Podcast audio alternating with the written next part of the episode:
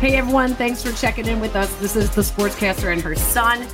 If you are a longtime viewer, you know that Jason and I would always say this is where sports bridges the gap between the generations, right? Well, we've been doing this now for over four years, and our generation gap is getting a little smaller, right, Jason? Although I'm getting a little yeah, older. you're getting older too. So the generation gap actually isn't getting smaller. It's just less apparent. Darn it. Uh, anyways, I'm a longtime sportscaster in Chicago, uh, 12 time Emmy Award winning sportscaster, uh, NBC in Chicago, and now I'm ESPN Chicago. Um, so that's why it's uh, I'm the mom, and Jason is my son, and he is the up and coming sportscaster at UT, UT Austin, right, Jason?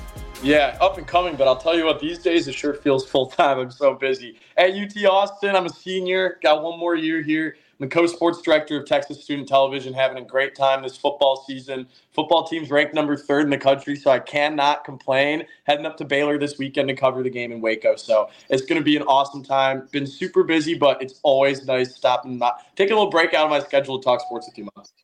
Okay, so you're lucky in Austin because you have Quinn Ewers, who is a Heisman Trophy. You knew that name? Hell yeah! Uh, he's He's the quarterback for the Longhorns. Quarterbacking in the NFL, on the other hand, for the Chicago Bears has been a problem. And Justin Fields is still looking to make the progress to, to earn not only a fifth year option on his rookie contract with the Bears, but also just to secure his footing as an NFL quarterback. And it has been some rough going here in Chicago, Jason. It is hard. I'm covering, I do the post game shows on ESPN radio in Chicago and on the Bears radio network. This has been a rough start to the season. I can't imagine the first two games have been much fun to talk about. Uh, yeah, hasn't been much fun for me either watching it from here, especially, you know, when you go from Saturdays down south here, you get to watch one of the best football teams in the land, and then Sunday, I think I'll watch my favorite NFL team. And back to back Sundays, they have looked absolutely horrible. Not not a whole lot of analysis that really needs to be done here. The mix between the play calling and just the lack of progression from Fields has been awful. No fun for anybody to watch. It's the same stagnant offense as last year same lack of uh, execution and just some like prettier names, I guess. I mean, Chase Claypool isn't doing a whole lot. DJ Moore's been doing a lot when they give him the ball, but that doesn't happen too often. And the offensive line looks terrible as it did last year. So, yeah, mom, like I said, not a whole lot of analysis that needs to be done. The Bears look terrible. The quarterback position is just as much of a question mark as it has been, not just for as long as I have been alive, but for as long as you have been alive. Yes, unfortunately. And hey, folks, you can go to TeePublic and go on our website, the thesportscasterandherson.com, and you can order. We have a t-shirt and we have sweatshirts. Like tee, yeah. Here, I'm wearing my sweatshirt. There we go. Um, but we have the quarterback t-shirt that lists all the names of the quarterbacks from when I have covered the team over the last 20 years. And it is frustrating. It is really frustrating. And this is the focus of today's show is a quarterback in the NFL. It's not Justin Fields, but it's another former Bears quarterback.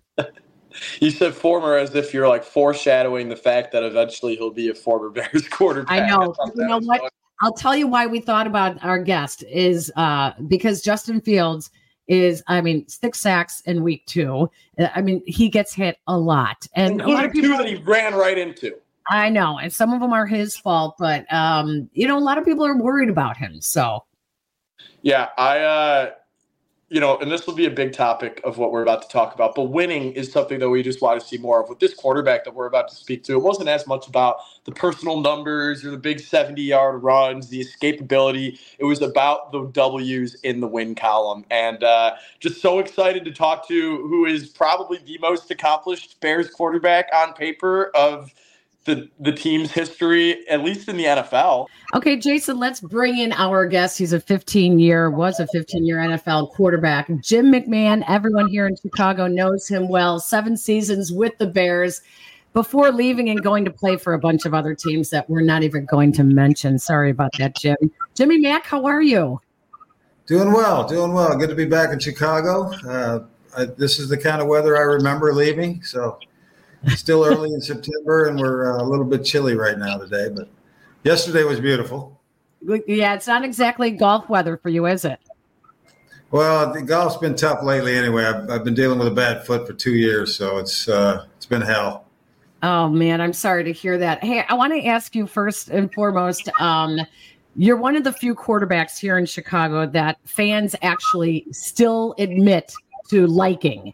Uh, if they are reminded of Sid Luckman, everyone rolls their eyes. Um, the more recent guys like Jay Cutler, everyone just kind of goes, ah, you know, I don't know.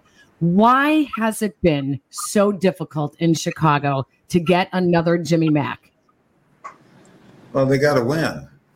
You know, they, uh, winning winning takes care of a lot of things. So they just got to start winning games, and they'll be they'll be okay. I don't know. I don't follow the game, Peggy. I don't. Uh, I've been out for so long it's, it's just uh, it's not part of my life anymore. I just kind of check in on guys that I know they're still coaching, friends of mine, teammates. Uh, see how they're doing. But other than that, I'm, I can't sit and watch a game. So, so you said that you're checking in on your friends who are still coaching. Are you by any chance friends with another former BYU quarterback who's coaching, Steve Sarkisian?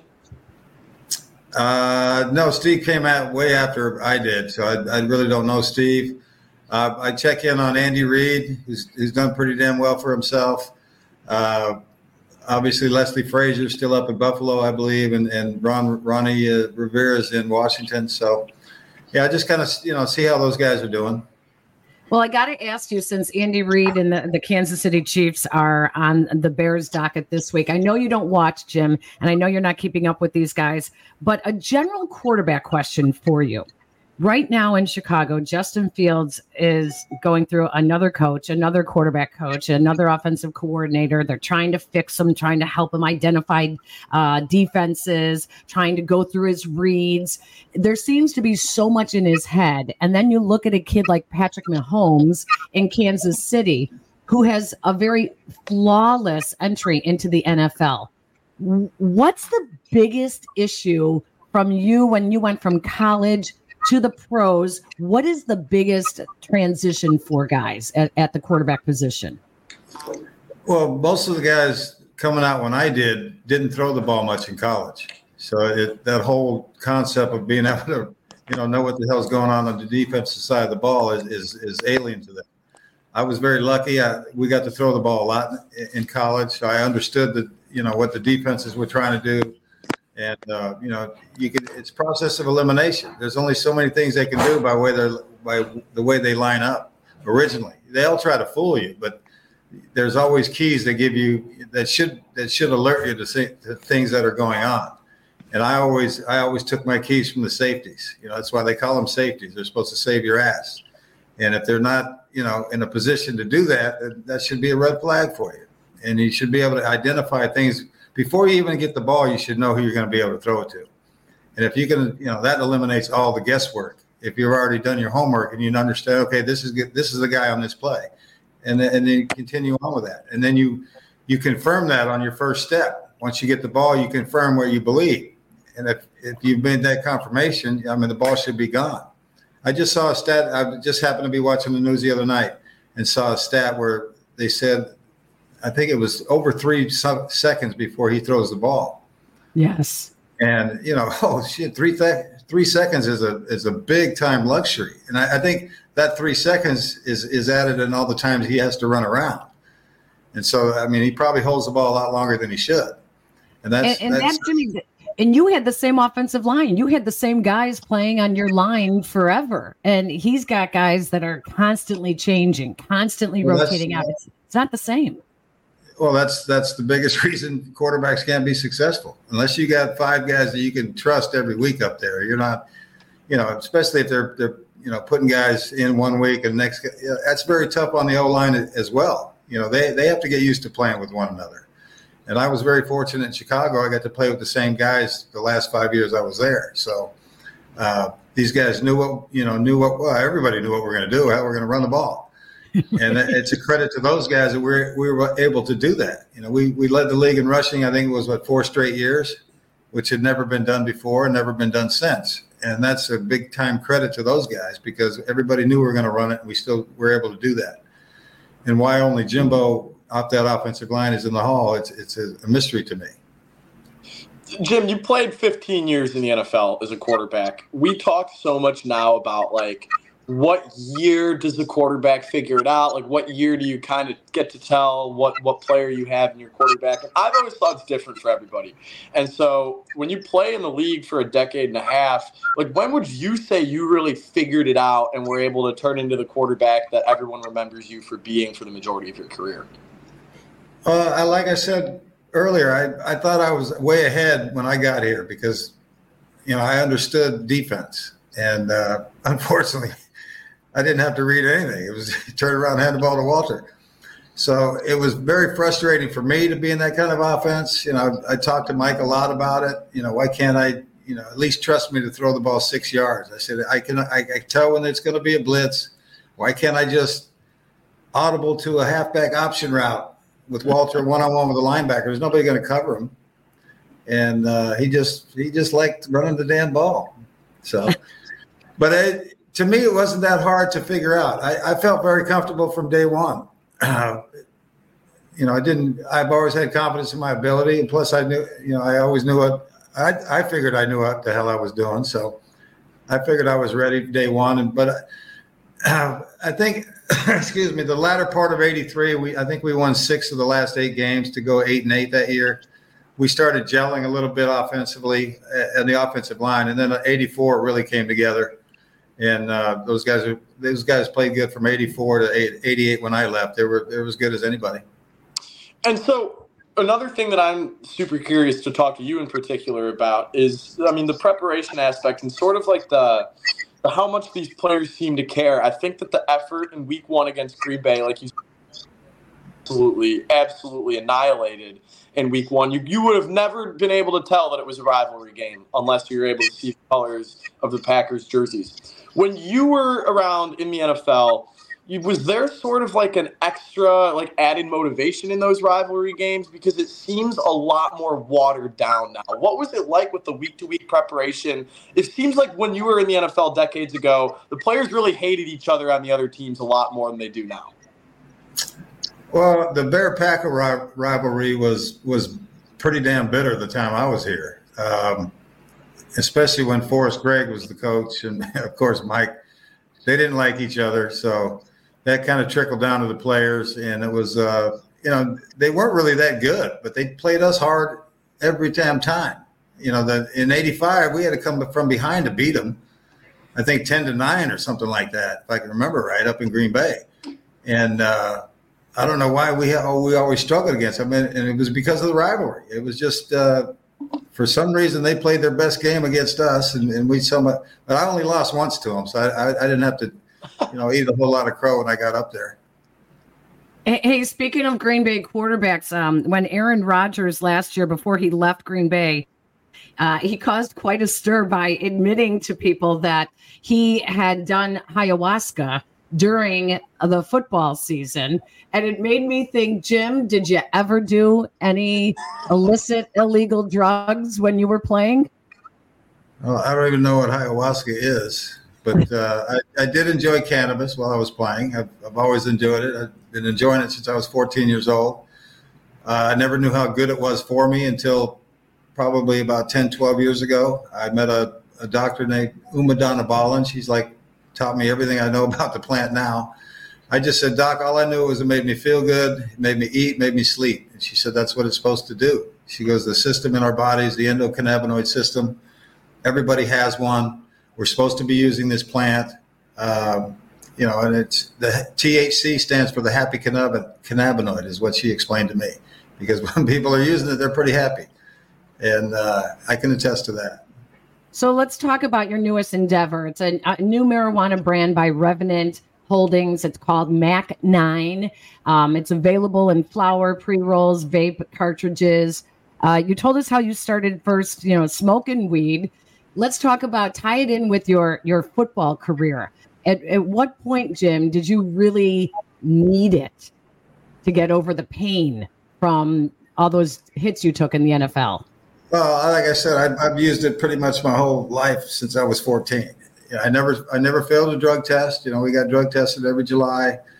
Uh, the guys that actually partook of the of the cannabis plant, we we knew better. We start, we stopped smoking it. You know, started June to give ourselves 45 days to clean out, and then uh, as soon as everybody took a test, we'd we'd all be out in the cornfield.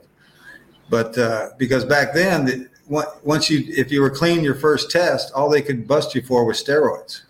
You know, you could literally smoke a joint in front of the guy taking your your uh, sample, and they couldn't do it. They couldn't do anything about it. And uh, the guys that had, you know, the guys that really had problems were the guys that were getting popped for cocaine. I mean, that's a that's a crazy drug. It's dangerous. I mean, anybody who's doing it now is ridiculous because who knows what's in it. Uh, yeah, those guys really had a problem because if you got busted for that, because that only stayed in your system two to three days, and uh, if you can't wait that long and you get popped in a training camp thing, it, you definitely have some problems. But uh, yeah, it definitely helped me get over you know, all my injuries. My uh, I wouldn't be able to. I don't think I would have been able to come back from some of the surgeries that I had as quickly as I did without it. Uh, I was able to get me through my workouts and all the pain that I was going through. So yeah, it was a big part of my life. It still is. I haven't had a. I had to take some opioids uh, after my last surgery that got infected and my foot blew up. But uh, other than that, I haven't touched one for probably uh, f- almost 15 years, 14 years, something like that. So my question would be then I, I, think that the thing that is really getting in the way of this becoming something that's like a lot more common, you know, with NFL players and especially especially the quarterback positions, what I want to talk about because there's a little bit of a stigma still that exists with cannabis and THC. And especially, you know, like you you would have fans who are just saying, Oh, I don't want my quarterback smoking weed. What do you say to the people like that? Well, smoke weed and figure out for yourself. Uh, I always felt that I I always felt that I focus better. I get a lot more stuff done when I'm, you know, uh, after having a bowl or something in the morning, and I get a lot of things done. It's not like I just sit around and eat chips all day. That's I don't, I don't get the munchies. I'm not a big fat ass. You know, I just, I just it's just part of my life. And uh, you know, I, I wake up in the morning, I brush my teeth, have a bowl, get my day started. And so I'm. It's very interesting how you said you would get away with it in the NFL. How did you get away with it in college at BYU? I feel like that'd be a little harder. That was harder to find. That's for damn sure. uh, but the same thing. I mean, it it grows everywhere in the world naturally. So, you know, it's if you need it, you can find it. It was just a lot tougher. Yeah. You've been very outspoken, Jim, about the NFL uh, still drug testing for weed talk about why you think that uh, they should get rid of that as a drug test for NFL players. Well, they, they're always telling us that we're responsible for what goes in our own bodies, and they can they can feed us all the opioids they want, and that's good for us. That's what they that's what they tell you. But opioids are are, you know, they're known to be addictive. They've known to have been killing people. Cannabis does neither one of those. It's it's not addictive drug. It's it's a medicinal herb. It's not a drug. You know, drugs are only made when man puts his hands on it, starts putting chemicals in it. You know, you would never be, you'd never have a cocaine addiction if you just ate coca leaves. But it's all the other stuff that they put in that makes you, you know, addicted and it makes you crazy. So, uh, I don't even know where I was going with that. But Next question.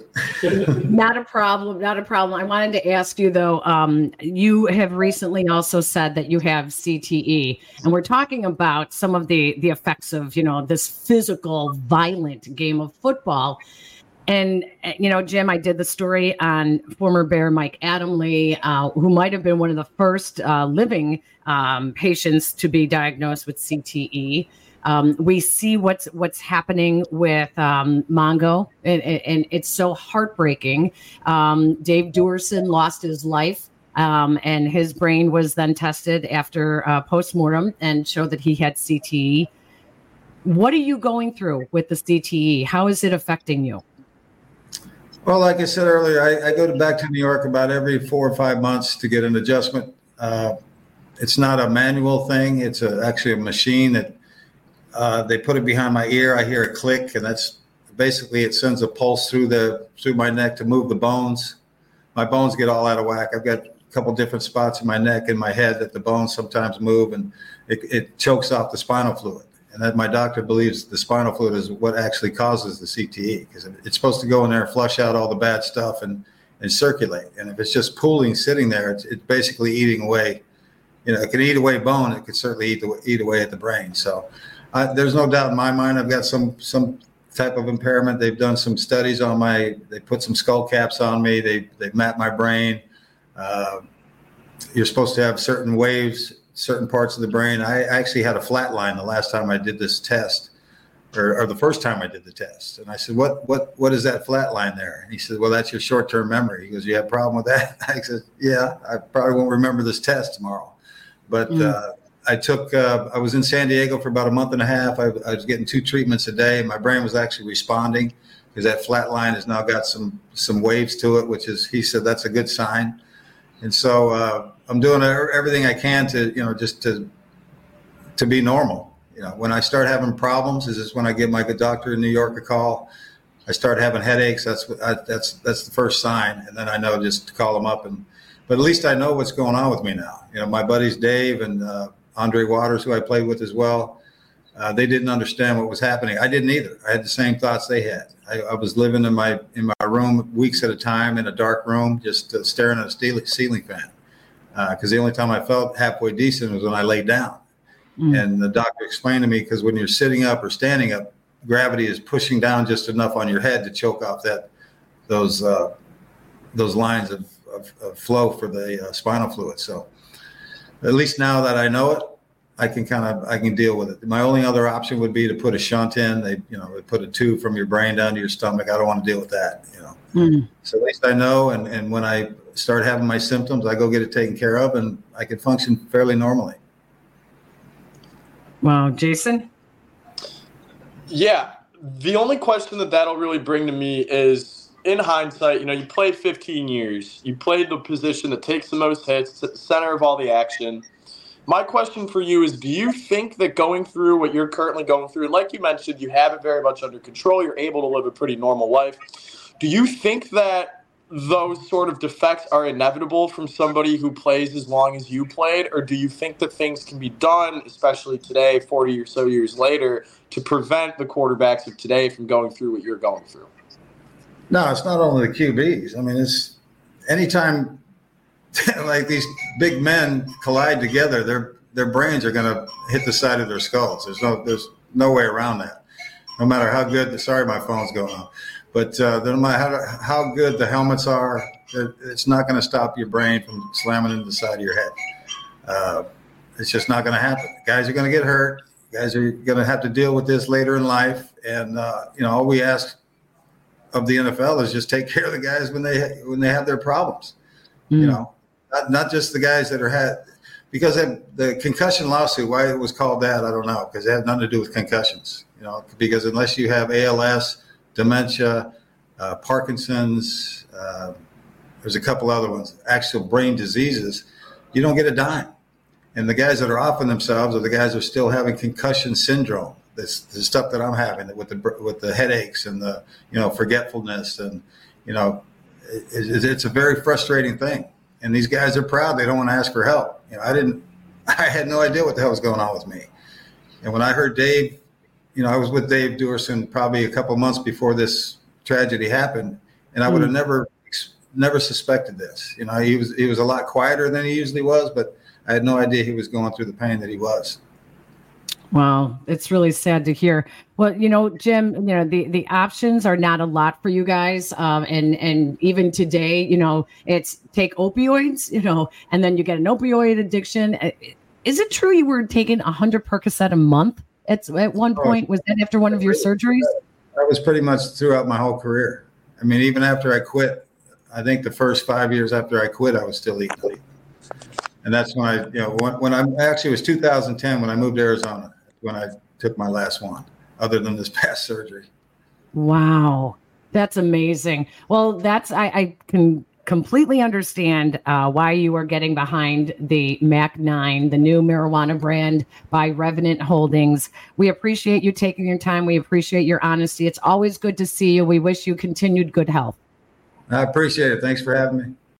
It's always great to see Jim McMahon. Thank him very much for joining us. Uh, if you want to follow Jim, you can follow him on Twitter, X, whatever you call it. He is at Jimmy McMahon. No, actually, on Twitter, he's at Jim McMahon. Jimmy? Jim McMahon. And on Instagram, he's at Jimmy Mac 9XX. All right, Jason, we need some predictions.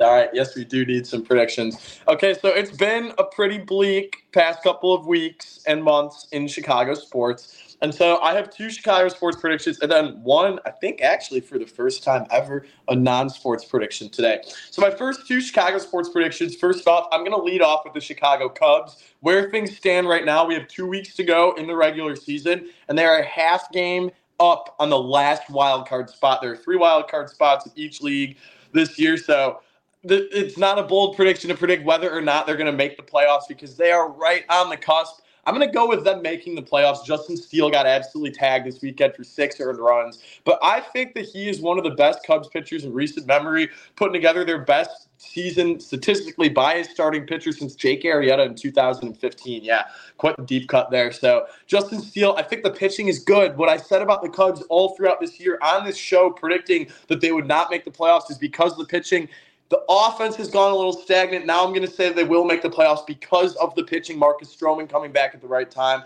Justin Steele, as I just mentioned, looking good. Cubs in the playoffs. I just want playoff baseball in Chicago. I, I don't, you know, we don't discriminate on the show. And we don't need both Bears fans and Cubs fans to be upset at the same time. So, oh, yeah. All right, yeah, yeah. next prediction, Jason. Well, you almost took the words right out of my mouth with Bears fans being upset. This one's going to be a little bit more fun, though. Uh, bleak bear season, to say the least. I think that would actually be a nice way to describe it. 0 2, going nowhere fast. I'm going to say that the next time the Bears win the Super Bowl, in the spirit of today's episode, the next time the Bears win the, win the Super Bowl, I will be married with at least two kids.